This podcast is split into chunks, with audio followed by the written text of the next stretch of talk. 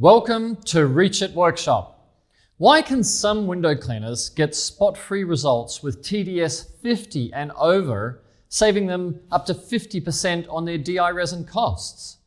Why does the window cleaning industry prescribe TDS less than 10 to achieve spot free water? Is it true?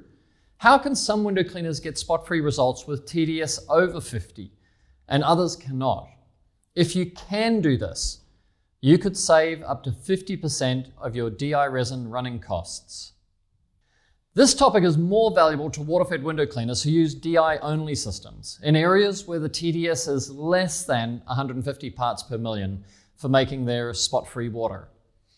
Firstly, we need to get scientific to discuss the minerals of the periodic table that are found in our tap water.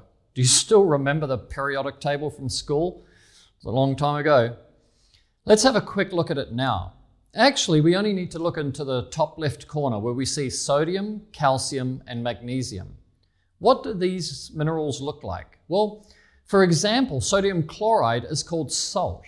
It is white. Calcium carbonate is called chalk. It is white. And magnesium sulfate we call Epsom salts, and they are also white. White is the color that reflects all light so it is most visible to the human eye, whereas by contrast, black is the color that absorbs all light and is the least visible to the human eye. I guess that's why Navy SEALs dress in dark camouflage to go into combat, to make sure they can't be seen easily. When we consider tap water quality and water spots, the most common minerals in our tap water are calcium and magnesium. So if your tap water comes from a source that has a high hardness, it is a high concentration of these white minerals, calcium and magnesium, and the water spots will dry white. Now, if your tap water comes from a water source high in other minerals, the water spots will not dry white. So, what happens if half the minerals in your local water dry white and the other half dry black? Well, let's consider a similar scenario using paint. If we mixed 50 50 white paint and black paint, we would get grey paint. This color reflects less light than white paint and more light than black paint. Well, what if the paint was one part white and nine parts black? Well, we would call this charcoal, and this paint will absorb most of the light. And so it is with spots on windows. If the minerals in your water are a high concentration of calcium and magnesium, the spots will be more white and therefore more visible. This is like our white paint example. If the minerals in your water are a low concentration of calcium and magnesium, they may well dry black. And this is more like our charcoal paint example. As window cleaners, we measure this concentration of minerals, all of them, as TDS. And we read TDS in parts per million from a simple tool called a TDS meter. A TDS meter reading is actually a measurement of conductivity, not spot free. So it goes like this pure water, that is water with no dissolved sol- minerals or solids, does not conduct electricity. The more minerals in solution in water, the higher the conductivity of that water.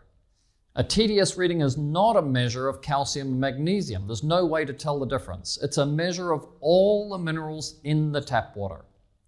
So, even if your TDS reading is high, it could be mostly minerals other than calcium and magnesium. And these other minerals dry in darker colors like black and brown.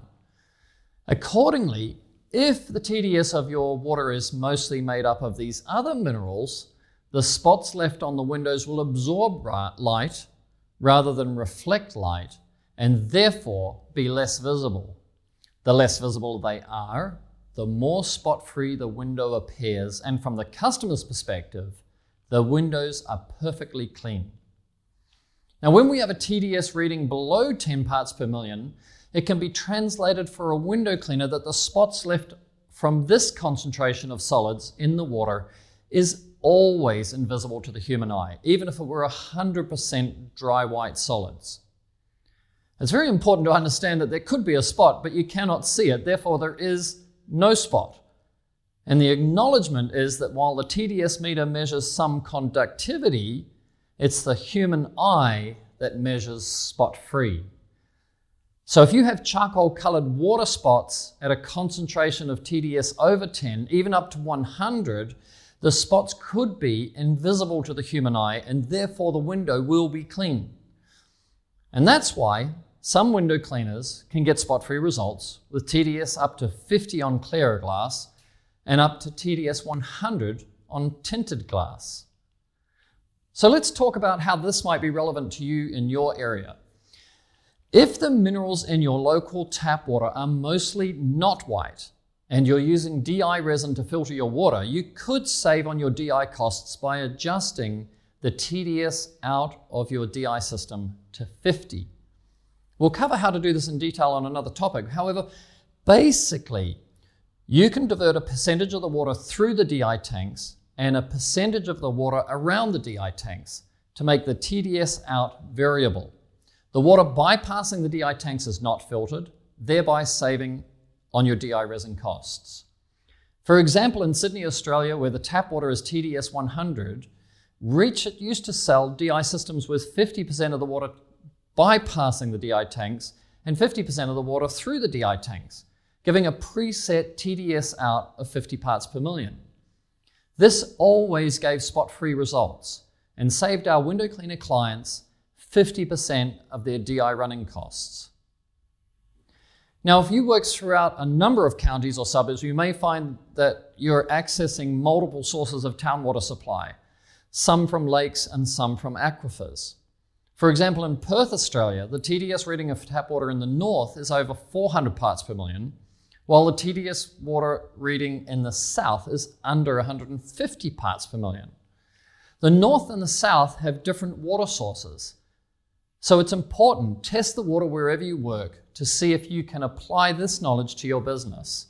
Don't just set a rule based on water at one location, like at your home. If you use DI resin to filter your spot free water and you can work with a higher TDS out, according to this theory, you should. Financially, if you're currently spending like $2,000 a year in DI resin, you could be saving $1,000 a year with a simple tip. You can then reinvest this money into time saving tools to increase your hourly rate even more.